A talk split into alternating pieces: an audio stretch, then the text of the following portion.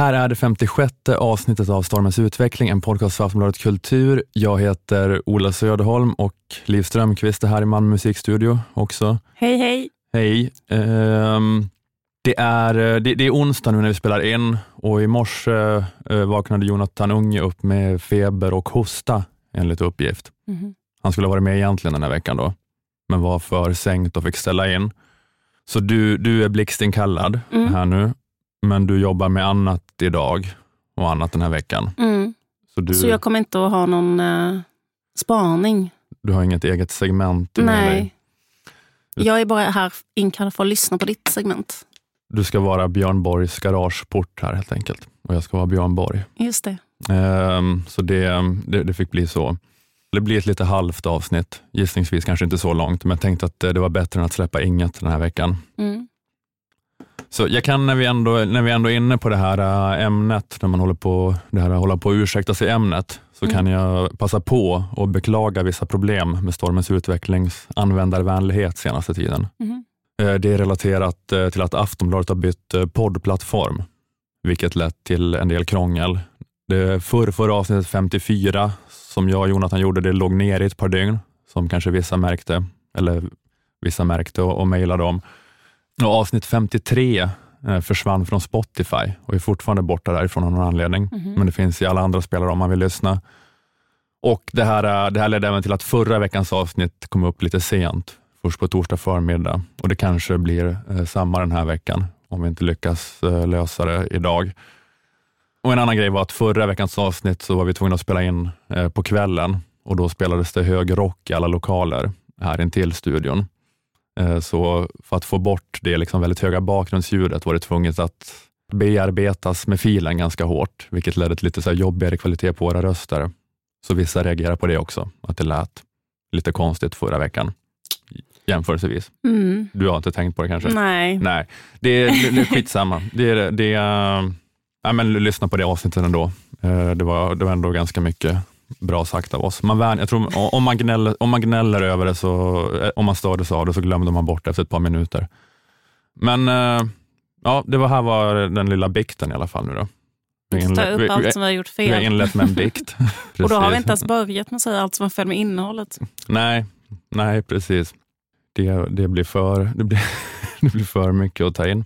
Det blir för många Ave Maria. Mm. Men, eh, men vi hoppas att nu framöver, rent liksom då, eh, tekniskt sett i alla fall, ska rulla på som smort Mm. snart.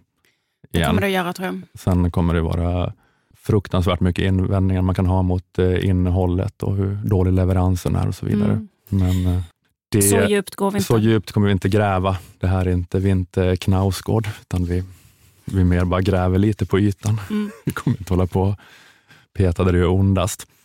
Men eh, i den mån jag har upplevt problem med användarvänligheten så har jag adresserat det nu lite grann. Då. Ja, men det, det jag tänkte prata lite om nu var att jag såg eh, UR-dokumentären Skrivglappet som kom förra veckan Mhm. och den har gjort eh, många upprörda, eh, ledsna och förfärade.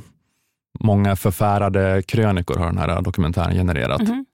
Och Den handlar då om att unga människor inte kan skriva. Det finns ett skrivglapp. Mhm. Många nybörjarstudenter har problem med att skriva korrekt. Det här visar en pilot. De mest enkla funktionerna i svenskan kanske inte sitter där som de ska. Man har kortar av meningar och man har felaktig meningsbyggnad. Linköpings universitet att många av dem saknar grundläggande läs och Det skrivfärdigheter. vi ser är ju att unga är i mycket stor utsträckning på sociala medier. Det blir inte hållbart att lära ut hur man skriver grundläggande på en arbetsplats. Jag tycker väldigt synd om de här studenterna. Allt fler unga kommer ut i arbetslivet och till universitetet utan grundläggande skrivförmåga. Och också att det är över hela linjen. Alltså det är inte bara ett problem relaterat till ojämlikhet och segregation, utan även då... Ingen kan skriva. Vad sa du? Att, Ingen kan skriva. Det är en nedgång liksom i förmågan att skriva begriplig svenska, liksom, även hos de som är uppvuxna i hem där man pratar svenska Mm. och i etablerad medelklass. Ja, precis. Ingen kan skriva. Ingen född eh, efter 96 kan skriva, tror jag är, kontentan. Eh, Men eh, UR har via Novus då gjort opinionsundersökningar där man frågat chefer om de har valt bort arbetssökande i åldern 18 till 25 på grund av bristande skrivförmåga, trots att de övriga kraven för rekryteringen har varit uppfyllda. Mm. Och det hade hälften gjort. Oj. Eh, hälften hade tyckt att du är jättebra, men du kan inte skriva. Det här går inte. Och Man hade också frågat universitets och högskolelärare, eh, Novus, alltså den här undersökningen, har frågat universitets och högskolelärare. Och där är det 46 procent som gör bedömningen att unga studenter idag har dålig förmåga att uttrycka sig skriftligt. Och ännu fler, 69 procent av universitetslärarna, anser att deras studenters skrivförmåga helt eller delvis inte motsvarar de krav som finns i utbildningen. Men ja, men det är så här, äh, i den här dokumentären, då, det är olika människor inom utbildning och arbetsliv som pratar om hur äh, unga inte kan basala svenska skrivregler, inte kan meningsbyggnad, inte kan punkt och stor bokstav, Mhm. gör så grova syftningsfel så att det blir obegripligt vad de menar Mm. eh, och så vidare. Det var, det var en talking head en gång i den här dokumentären som sa det är väldigt grundläggande saker de inte kan. Till exempel att de inte vet när det ska vara de och när det ska vara dem. Mm. Det är jag.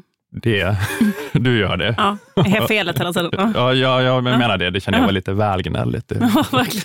Har någon någonsin kunnat det egentligen?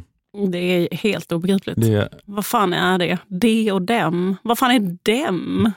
ja, Ingen kan det. Nog nej, om det. ingen kan Mm. det. Men, ehm, ja precis. Men i alla fall, eh, ja, men att det är sådana då ganska grova problem då som uppstår, att det är så idag att unga poliser, alltså man måste kunna skriva begripligt om man är polis, Mm. då, men unga poliser formulerar sig så dåligt i brottsrapporter att det får juridiska konsekvenser. Mhm. Unga läkare är så dåliga på att skriva så att patienter får fel mediciner. Oj. Jag vet, alltså jag vet inte exakt hur ofta det här Mm. händer. Nej, nej. Det, har, det beskrivs som att det är något som händer. Det Men- har hänt. Det har hänt. Ehm, och, och bland studenter så blir allt fler underkända på tentorna för att det går inte att begripa vad de skriver. De kanske kan svaret, men det är omöjligt att veta. Eh, så här berättar Petra Garberding, lektor vid Södertörns högskola, att, eh, att det brukar låta.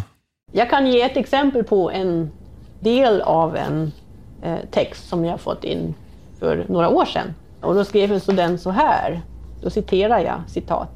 Sovjetunionen var en bra idé på grund av en del av andra EU-ländernas bönderna började kräva för sina rösträtt och sina mat produceras till staten. Bönderna hade ju sin mark att producerades till exempel mjölk, öst, yoghurt och resten mjölkprodukten. Mm. Men det är, det är då att det, man kan tänka att det finns så mycket kunskap här om Sovjetunionen, EU, bönder och mjölkprodukter. Men det blir då bara ett brus i kommunikationen Mm. när det ska förmedlas. Mm. För att det är just stringensen när det gäller att uttrycka sig i skrift Mm. som saknas. Då. Mm. Men det, Man får gå tillbaka till ett muntligt samhälle då kanske som man hade. Alltså jag menar, ja, Det har ju funnits en muntlig tradition. ja, men, och det, så att man det, får ha en sån äldste som kommer ihåg allting och berättar det för, för alla andra istället för att skriva, det, skriva ner det. ja, jag funderar på, alltså på lite kortare sikt om det här kan vara positivt för en själv, det här skrivlappet kanske. Att man kommer ha en himla bra arbetsmarknad sen när man är i 60-årsåldern. För man liksom kommer ha en unik kompetens som den sista generationen som kan formulera ett begripligt informationsutskick. Mm. liksom när VVS-firman ska skicka ut en lapp om under vilka tider avloppen är avstängda för relining. Mm. Då blir det bara så här, hej Sovjet mjölkprodukter, om de försöker själva. Mm. Så då måste de liksom kalla in en 80-talist till ett saftigt konsultarvode. Man får bara gå runt där som en så skriftlärd, Mm. Det, det, skriva ja, allting. Så som det var då liksom på medeltiden, att det fanns eh, bara vissa som kunde skriva. Mm, Prästerna kanske. precis. Så vi som är födda innan 1900, när slutade det här då? Eh, 1990, 1985. Ja, kanske 95 kanske. Mm. Jag vet inte. Ja. Vi blir, kommer fungera då som de prästerna fungerade. Mm, Det precis. tycker jag var kul. Det tycker jag var kul att höra. Ja, men det är som en sån eh, elitklass av präster och lagmän och adel kanske. Jag vet inte. Ja. Just det. Mm. Att äntligen kan gamla få något i det här samhället. För att annars har ju alla såna saker som då äldre innan kunde ha privilegier och vara bättre. Mycket av det har ju avskaffats i takt med att det som efterfrågas eh, handlar mycket om att vara ajour kanske med, med, med ny, ny teknik eller nya idéer. Eller saker som gynnar ungdom. Plus att liksom, Mm. vad ska man säga, utseende och karisma och sexapil och sådana saker har, har seglat upp väldigt starkt. Erotiskt kapital, allt det här som gynnar unga människor Mm. på arbetsmarknaden. Eh, Så det var väl kul för oss att få ha en sak, alltså att skri kunna skriva Mm. nu när vi inte har erotiskt kapital. Exakt, ja precis. Den här uh, ungdomsstyrkan och förfördelandet av äldre, att det Mm. kommer få en kraftig motvikt här får man då säga, om vi kommer vara de enda skrivarna. Men eh, Varför har det blivit så här? ja, vad beror den här utvecklingen på då? Det, det finns väl olika hypoteser Mm. som eh, marknadsskolan, som eh, att den är knäpp på olika sätt, Mm. konkurrerar med glädjebetyg. Mm. Och sen finns det, jag vet inte, att det är för fel på läroplanerna.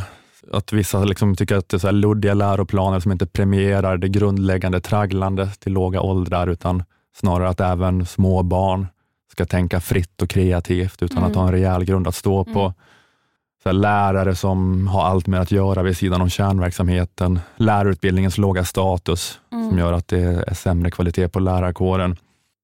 Och Sen är det mycket då det om eh, digitalisering, både, alltså både hemma och i allmänhet, men också i skolan, då, att man håller på och hoppar på digitala och tekniska verktyg Mm. hela tiden och att det hämmar inlärning. Man lär sig bättre om man skriver för hand tydligen, vissa studier. Mhm. Också att man, eh, ja, att vissa kanske lyfter fram det här med att internet formar alla till att läsa kort och skumma texter och tänka kort. Och förmågan att läsa långa texter går ner. Mm. Och också då förmågan att producera långa texter Mm, mm. går ner. Jag tror att de digitala medlen har ytterst påverkat vårt sätt att kommunicera och i synnerhet med skrift. Vi läser nog mer än någonsin. Men vi läser i korta texter under korta, väldigt korta perioder. Och det gör att vårt sätt att kunna sedan så att säga, formulera oss i lite mer omfattande kontext, där är det inte lika naturligt. Vad jag tror är anledningen till att språket har blivit förkortat skulle jag säga är eh, chattande och att man skriver privat. Jag kan känna, känna igen mig själv också när jag skriver privat med mina vänner. Att man gör, skriver korta meddelanden, gärna förkortningar. Det är väldigt ofta som jag ser ett stavfel eller att man trycker fel på någon tangent och tänker bara äh, de fattar vad jag menar så skickar jag ändå. Mm. Alltså vi läser mer än någonsin på ett sätt. Då. Mm. Alltså, om man bara mäter antalet ord vi läser förmodligen. Men vi läser kort och snuttifierat, så man läser då mindre på det viset man läste förr. Vi läser för att skriva själva. Alltså vi läser sådär meddelanden hela tiden som vi ska svara på. För, för att det är något så speciellt med den här grejen, då, att vi skriver då sämre och sämre, men vi skriver hela tiden nu. Vi skriver mer än någonsin. Eh, Det som eh, Richard Seymour skrev i boken The Twittering Machine, känd från ett tidigare avsnitt av Stormens utveckling, att, att den typiska erfarenheten av att vara litterat innan internet, det var att läsa. Det var det man gjorde då. Men nu är liksom den typiska erfarenheten av att vara litterat är att skriva. Alla skriver hela tiden. Mm. Skickar meddelanden och, och skriver i sociala medier och så. Och jag menar, förr då var det ju ingen som skrev. Förutom sådana som kanske jobbade med det eller var specialintresserade. Men alltså en vanlig tjomme skrev väl i princip aldrig men hur menar du förr? Alltså, innan internet jaha, innan internet? på 80 och 90-talet. Att, Ja, du menar att... Nej, okej. Så du menar typ att en människa som var busschaufför skrev, skrev aldrig? skrev aldrig. Nej. Och nu skriver en busschaufför hela tiden, precis som alla andra gör. Meddelanden till sin älskarinna, menar du? Eller Ja, Chattar, chattar, med sina skriver, kompisar, kommenterar, kommenterar. något på Ja. internet? Okej. Det är bara text, text, text, Mm. text hela tiden. Nej, men att innan eh, att pre-internet, då kanske man, eh, alltså en vanlig tjomme då som inte jobbade eller var så specialintresserad av att jobbade med att skriva, eller var specialintresserad av att skriva, kanske, man skrev säkert i jobbet då, eh, fyllde i liksom en blankett eller rapport eller något, alltså kan jag ju tänka mig och, och så, att det fanns något sånt skrivande. Mm. Men annars, alltså att det kanske var, man skrev ett vykort om året Mm. från chartersemestern. Mm. Alltså det var liksom det enda informella skrivandet Mm. som en vanlig människa ägnade sig Mm. åt. Mm. Och det är just det som är grejen här och det där, den här framväxten av det informella skrivandet och det här då, och det chattspråket som mannen i klippet pratade om. Mm. Och det är klart att det kunde finnas för att, att folk liksom skickade att folk skickade brev eller eh, vykort till varandra med ett mer informellt internt språk. Men nu är det ju så att det är typ nästan eh, det dominerande språket, Mm. det informella skriftspråket, att småpratandet i en sociala cirkel sker via skrift, alltså kanske mestadels till och med, Mm, mm. alltså kanske mer än via tal. Och det finns då dels den här helt privata kommunikationen, alltså meddelanden, det privata språket mellan kompisar. Mm. Sedan finns det liksom det här då semi-privata, semi-offentliga sociala medier. Mm. Alltså de olika språken som finns i, i olika bubblor och grupper och communities, där Mm. man, man har liksom, där man har ett sätt att skriva på som de på insidan förstår. Mm. Och det är svårgenomträngligt för de på utsidan. På utsidan säger man, hallå där ungdomar, vad betyder det? Mm. Med den här bilden på den här grodan, att du svarar, bara svarar med det.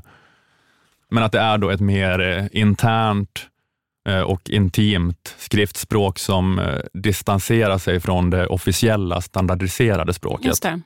För jag, läste, jag läste en artikel i New Yorker som var, eller det var en recension av en bok av en internetlingvist som heter Gretchen McCulloch. Och där påpekades det att liksom, att det sedan länge, liksom, alltså sedan förr i tiden har det funnits så här en, en distinktion när det gäller talspråk. Att det funnits ett formellt sätt att tala och ett informellt sätt att tala Just det. att du kanske i ditt professionella liv så måste du hålla en presentation där du pratar formellt och standardiserat på ett sätt som ska vara tillgängligt för typ alla och sedan måste du i ditt sociala liv prata informellt och prata Mm. slang med kompisarna för att Mm. signalera intimitet och Mm. lojalitet och en grupptillhörighet. Mm. Signalera en avgränsning mellan den här gruppen och världen. Men det är rätt nytt med informellt skrivande. Mm. Alltså, eller det kanske, kanske man på ett sätt kan säga att det, har funnits här hos en kreativ elit, att författare har använt det som verktyg att liksom skita i formella regler och vad som är korrekt grammatik och så vidare, för att göra texten mer talspråkslik, mer Mm. intim, mer vardagsrealistisk. James Joyce, Stream of Conscience eller beatförfattare eller någonting. Mm. Men det kanske, det, det kanske inte är riktigt samma sak när man gör det som författare, Nej. snarare än eh, när det är något som växer fram som ett så här, organiskt socialt fenomen. Det fanns väl ändå liksom så här privata brevskrivare. Alltså folk höll på väldigt mycket ändå att skriva brev till varandra för alltså många, Mm. inte, inte kanske alla, men ändå att folk hade såna livslånga liksom korrespondenser. Det finns ju massa såna här brevsamlingar och sånt där med folk. Absolut. Jo, men det finns ju... Det, Man det, det, hade ett informellt. Men jag fattar vad du menar. Det det, är inte... det, nej, precis. Det, det fanns ju... Det, är klart att det fanns på någon nivå, men inte som det finns nu. Sen, men sen, det är också kanske intressant det där med den liksom skriva brev och meddelanden till varandra, att det var ju också något som att det fanns mindre när telefonen kom, eller att då gick det in i en fas då det fanns mindre. Mm. Att det var sån här kultur innan telefonen. Mm. Att, så eh, i tol, om man läser Tolstoj, Anna Karenina och Ja. sånt, då lämnar de alltid såna brev. eh, Alltså de skickar iväg en, en människa som ska lämna en liten lapp där de har skrivit någonting. precis, det, just det. De håller på med det hela tiden. Ett Skick- sigill. bil- Alltså. Biljetter tror jag de kallar det. Ja, va? biljetter. Att man Exakt. skickar, för det finns den vanliga posten, men sen finns det också biljetter, att man skickar så en tjänare tre gånger om dagen och skickar en biljett till liksom grevinnan som man uppvaktar. Att det var står- den tidens motsvarighet till att vara uppe i någons DM. Ja men exakt, verkligen. Och var det inte så att de, att de stängde det med en liten... eh, Alltså de stäng, stängde biljetten med en liten eh, vax, ett litet vaxsigill eller någonting så att, man, så att det inte skulle kunna vara brutet. Eller? Ja, det här Ah, har jag okej. hittat på kanske. Kanske. Ja. Ehm, ja men exakt, och där stod det jag kommer ta livet av mig eh, vid eh, eh, midnatt. Mm, Om du inte kommer hit nu. Så Just. skicka jättesnabbt sin tjänare tillbaka med biljett. precis. Gör inte det. Mm. Eh, vi ses istället klockan bla bla bla. Ja, men det kan man tänka. jättesnabbt tillbaka. Nej, för att jag är så otroligt upprörd över vad du gjorde igår med... Ja. Mm. Nej, men, exakt, men det är ju som sms. Ja, där kan man tänka sig att det är då i en sån pre-telefon-era och då i ett sånt högre socialt skikt såklart, att det fanns en kanske mer utvecklad informell skriftspråkskultur Var än de vad som fanns på dåliga 1980-talet. förstörde det deras förmåga att skriva andra texter? Att de skrev de här äh, Mm. biljetterna till sin älskarinna hela tiden? Jag vet inte. Tolstoj kunde skriva bra i alla fall. Formellt. Men, ja, eh, verkligen. Jag har verkligen rätt. Ja, men det är ju att det är någonting som alla gör nu. Liksom. Eh, den här då le leken med språket som kanske vissa experimentella författare har hållit på med. Att det, det är något alla gör nu, liksom det här informellt skrivande. Det är något alla gör nu som nyss nästan ingen gjorde. Alltså alla skriver på det här eh, informella, lössläppta, intuitiva sättet som är ett eh, sätt att skriva på som växer fram som bara liksom talspråklig jargong kunde göra innan egentligen i ett kompisgäng eller Mm. en grupp eller en subkultur. Mm. Och Det är för att man vill göra språket mer exakt i känslan det ska förmedla, alltså göra det mer intimt, att det är ett sätt att komma närmare varandra så man liksom har det här, äh, inte vet jag, experimentella där man har gemensamma överenskommelser om hur man skiter i grammat Mm. grammatiska regler, skiter i punkt och stor bokstav, använder förkortningar, Mm. Emojis, avklippta Mm. meningar och så här. Man har, man har ett språk som är så fullt av olika grepp och figurer som är typ kanske internskämt som Mm. ingruppen fattar och är införstådd med. Men att det inte fanns då på det viset eh, innan internet, eller, eller det fanns i alla fall inte som en sån folkkultur med sånt skrivande. För att, eh, ja men som sagt, att en vanlig människa på 80 och 90-talet skrev väl kanske i princip aldrig. Man kanske var tvungen att skriva brev ibland i sitt jobb eller till en myndighet eller någonting. Och då skrev man ju formellt såklart. Det var det formella Mm, språket. mm. Men eh, jag tror liksom att även när man på den tiden skrev mer informellt, brev eller vykort till nära vänner, så var den texten ändå mycket närmare standardsvenska än vad 20-åringars internetspråk är idag. Mm, absolut. Att det Mm. kanske var kryddat med informella grepp, men det var ändå i princip mycket närmare alltid. Mm. Alltså av den anledningen bara att det fanns inte den, det var det fanns inte den mängden av det. Att det Mm. var liksom inte så mycket av de vykorten och breven, alltså som dagens ständiga textande i realtid är. Att det var liksom inte, det var inte en så stor andel av det sociala livet med de breven och vykorten, så att man jobbade fram en eh, specifik informell textjargong på samma vis. Nej. Alltså inte i närheten av lika intrikat. Och det, framför allt kanske det också hänger samman med då att ens liksom intima, privata skriftspråk då inte kunde haka i större subkulturer på samma sätt av, så här, av chatt och sociala mediespråk som det är nu liksom i så här bubblor på sociala medier och så att man är ett community som pratar eller skriv, skrivpratar på det här viset. Alltså det kan säkert ha funnits på något vis alltså runt en subkultur, ett punkfanzine eller så, men inte alls på samma liksom interaktiva, organiskt framväxande vis som det är idag. Men i alla fall är det den grejen då, så att, problemet är att på samma vis som att någon förr kanske sa att dagens ungdom kan inte tala fint, de kan bara tala oborstad slang, Mm. så kan, så kan dagens ungdom bara skriva chatt och sociala medier-språket. Mm. För att, eller men jag tänkte på det, jag antar att det är svårt att, eh, eller det är svårt att tala fint, antar jag. För att då är det så att man plötsligt ska tala på ett sätt som man aldrig annars gör. Att eh, folk kan aldrig komma ihåg att man inte ska dua kungen, Mm. kan jag tänka mig när de pratar med honom. Mm. Att nu, nu ska du komma ihåg att inte säga du till kungen, men jag säger ju alltid du Mm. annars när jag pratar, så jag kommer ju falla in i det. Jag kommer ju reflexmässigt liksom falla in i mitt muskelminne av hur man pratar. Mm. Men när jag var barn och ungdom och skulle skriva i skolan, då var det inte som att någon bad mig att skriva på ett sätt som jag aldrig annars gjorde. Nej, För när jag skrev i skolan, det var enda gången jag skrev.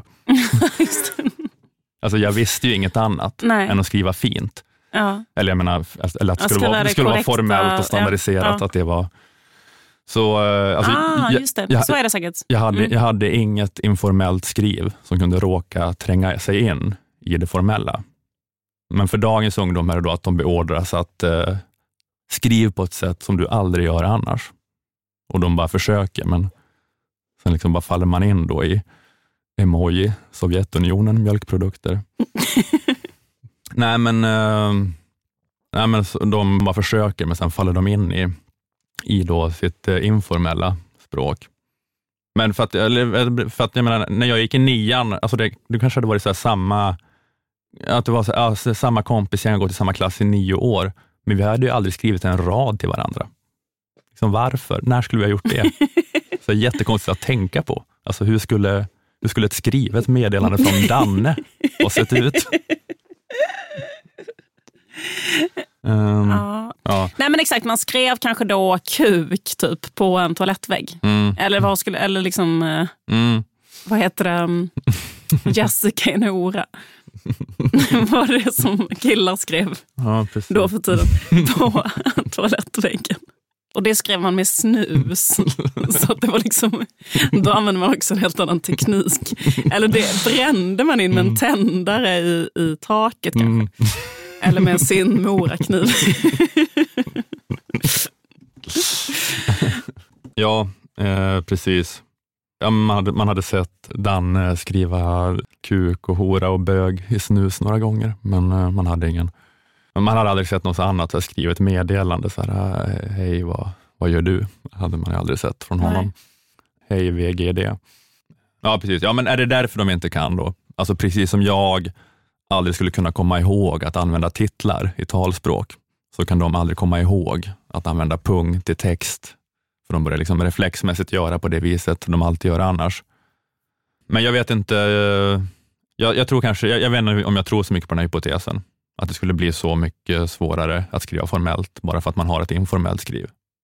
Alltså, det är säkert mer att problemet är att det är massa fel på svenska skolan och sådär. Det var, men det, det var bara en intressant eh, grej som jag inte har tänkt på. Mm, Att just det, jag hade inget informellt skriftspråk när jag var barn och nu har alla det. Mm. Det är ändå jävla skillnad. Verkligen. Och det är inte heller bara ett skriftspråk, utan det är ett slags bildspråk väldigt Mm. mycket. Det är som Ja. hieroglyferna lite grann. Alltså det är liksom helt annat. Eller att man svarar...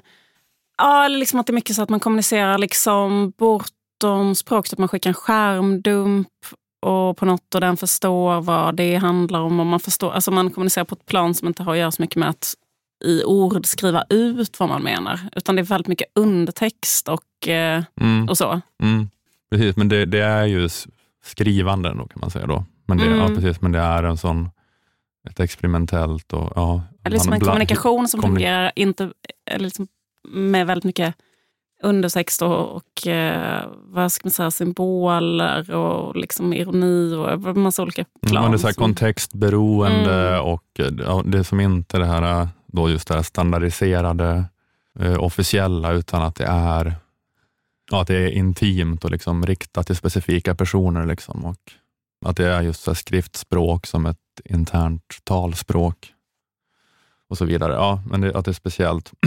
men eh, innebär det här nationens undergång? Mm, det undrar jag. Karin Olsson Expressen är inne på det i en krönika med rubriken Sverige kan inte bäras av halvanalfabeter. Det var en krönika apropå den här dokumentären, Mm. mm. Skrivglappet. De skrev att, eh, att en demokrati av Sveriges slag kan inte bäras av halvanalfabeter. Eh, Jag tror det var, var orden i texten. Ja, men det är som jag pratat om eh, förut, en eller ett par gånger i olika poddar med hänvisning till Ernst Gellner, som den här statsvetaren och socialantropologen och eh, nationalismforskaren. Men, eh, men att eh, han har liksom påpekat här att ett av de främsta kännetecknen, eller vad man ska säga, för ett modernt industrisamhälle jämfört med ett jordbrukssamhälle är att alla måste kunna läsa och alla måste kunna kommunicera med främlingar då, på ett standardiserat Mhm. språk, ett standardiserat skriftspråk. Mm. Annars, ja, annars blir det så att patienter får fel medicin. Polisen Mm, utreder fel. Inga företag kan- kan sköta sina verksamheter. Och Det är också det att det är den, här, det är den gemensamma skriften som stabiliserar språket, alltså talspråket också. Just det. De, det trycker ner lokala varianter och rotvälskor och alla liksom börjar prata mer och mer på ett sätt som härmar det nationella skriftspråket. Att det var det som hände då när man skapade moderna nationalstater på 1800-talet eller lite olika på olika ställen, men att det liksom är då en gemensam skriftskultur som med hjälp av den nya teknologin och med hjälp av ett nationellt utbildningsväsen och med hjälp av massmedier och så vidare, att det är den då som eh, blir en sån här standard då, som alla börjar prata på ett sätt som härmar den. Liksom, och all, Mm. Alla är litterata och pratar så. Och, eh, Eh, och man får då liksom ett sånt eh, centraliserat nationellt standardspråk. Alla blir en del av den nationella högkulturen, som man brukar säga. Men innan dess levde människor då inte i nationell högkultur, utan i så här små byar och samhällen som var så här små inåtvända gemenskaper, alltså som, är, som var självförsörjande och hade liten kontakt med övriga samhället. Och de liksom behövde inte det så mycket, för de behövde inte övriga samhället så mycket, utan de kunde reproducera sig själva socialt. Liksom. De var ja, så självförsörjande bönder då, mestadels såklart. Och, eh, och, och, i sådana liksom, små samhällen, då pratar man ju inte heller på så ett explicit, stringent, standardiserat språk, utan då gick man ju bara och grymtade till varandra.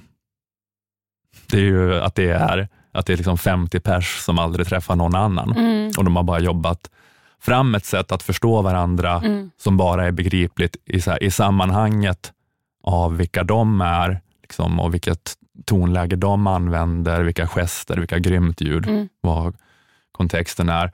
Och om någon i en sån by då, bland nära förtrogna vänner hade börjat prata explicit, stringent, formellt mm. språk, hade det, förutom att det kanske hade varit obegripligt, hade det också sett som så här opassande och stötande. Mm.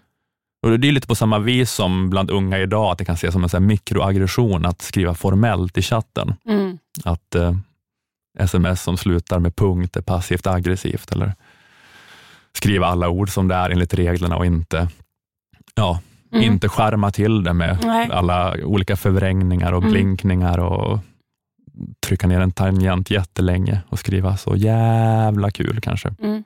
vad de nu gör. Uh, ja, ja, men det är som du sa, just det där med att det, att det är ett språk med så mycket undertext och mm. de här mm. hieroglyferna och de här bilderna och skärmdumparna. Att det, att det verkar liksom väldigt... Um, det är liksom ett sätt att utmärka sig på ett konstigt sätt från gruppen, på ett lite aggressivt sätt. Uh, ja, att mm. börja skriva exakt enligt skrivregler. Ja, uh, det, det, skulle vara liksom, ja, det, ja, det är så märkligt och lätt stötande då när man har den här uh, gemenskapen, mm. där man har Eh, lärt sig sådär, kommunicera då på ett mycket mer djupare och intimt plan mm. i sin lilla grupp. Sådär. Mm. Så ska någon börja prata som en kamrer här. Det är som en liknelse mellan en förmodern by och ett community i sociala medier. men, men sen då, äh, att det var så då i, här, i den inåtvända byn som liksom var självreproducerande och så vidare, att man bara gick och grymtade åt varandra. Men grejen är sen då när man inte ska vara en självförsörjande bonde längre, utan grejen att man ska gå minst 12 år i skola för att kunna ta lite vilket jobb som helst, var som helst i, i det moderna industrisamhället. Då är det ju slut med grymt språket och man måste följa de nationella standardiserade reglerna för att mm. kunna kommunicera med främlingar. Mm. Uh, men, men undrar om det är så nu då med internet, att det slår sönder den här standarden? Att det bara slut, det slutar liksom finnas den här då tydliga hierarkin i skriftspråket med en standard högst upp som alla måste förhålla sig till. Att eh, det är liksom som är centrat i vårt skriftspråk, att det kanske en gång var den officiella bibelöversättningen, eller så är det en konstitution eller Svenska Akademins ordlista och det förhåller sig alla till. Men internet är liksom ett virrvarr av skriftspråk utan något center. Och eh, att det bara kommer finnas, liksom, det kommer finnas olika byar av skriftspråk på internet där folk grymtar till varandra, men de har inte förmågan att kommunicera och göra sig förstådda på det standardiserade språket. Jag vet inte om det då i förlängningen kommer innebära att alla måste gå tillbaka till att bli självförsörjande bönder. Då. Mm. Vi måste tillbaka till den, det produktionssättet. Just För att, det är, alltså den, att vi är litterata är en så viktig del liksom av att det här ska gå runt. Just det. Så att de får liksom gå där med de får gå där med plogen då och skicka sms utan punkter och versaler till varandra. Och då blir vi då den sista generationen som kan eh, högkulturens språk, då. Ja, men som någon slags prästerskap eller juridiska experter var i jordbrukssamhället. Att vi, vi, ja, vi blir de enda som är litterata och upprätthåller den skriftbaserade högkulturen. Och Det blir typ som att kunna latin var på den tiden, mm. kommer det vara då. Att vi kommer stå i kyrkan och predika på standardsvenska och de bara sitter och grymtar olika internetakronymer i bänkarna då och fattar ingenting, men det spelar inte så stor roll. För de ska ändå bara dra plogen. Just det. ni ska inte skriva något protokoll ändå. Utan det sånt, eh, alla sådana uppgifter får vi ta hand om. Då. Och så får vi ha bara lite enklare produktionssystem för att vi inte kommer ha den här vi kommer inte upp, kunna upprätthålla det här med en hög kultur som hela befolkningen är en del av längre. Nej. Mm. Ja, det är en hypotes i alla fall. Mm. Jag vet inte om det var det, är det, Karin smickrade, det är en mer smickrande hypotes än den som är nu då, att det är man, eh, man själv som inte hänger med och därför inte kan förstå någonting som händer. För att Mm. man förstår inte hur, eh, nej, att liksom äldre människor eh, inte kan förstå, även om de skulle vilja så gå in och läsa någonstans, vad, Mm. vad, vad ungdomar debatterar eller tänker på eller så, så, så går det liksom inte att dechiffrera för en människa. Nej, Så att, ehm, precis. Den här ilskan att man inte, Även om, man liksom, inte har... även om en förälder tjuvläser sin, sitt, sitt barns Snapchat för att förstå vad barnet håller på med så kan den ändå inte förstå vad barnet håller på med. Det är inte att jag, problemet är inte då att det är jag som inte är nog sofistikerad för att förstå vad ni håller på med, utan det är att, det är att ni då Det har ju med förintar samhället. det är att jag förvaltar en eh, högkultur som är likvärdig med att kunna latin medan ni är tjattrande bönder utan utbildning. Eh, ja, men det var, det, det blev det då. Det blev det lite halva avsnittet den här veckan, men eh, Vi Ja. kommer igen om en vecka. vi kommer igen om en vecka. Tack så mycket till Aftonbladet Kultur. Hej då! Hej då!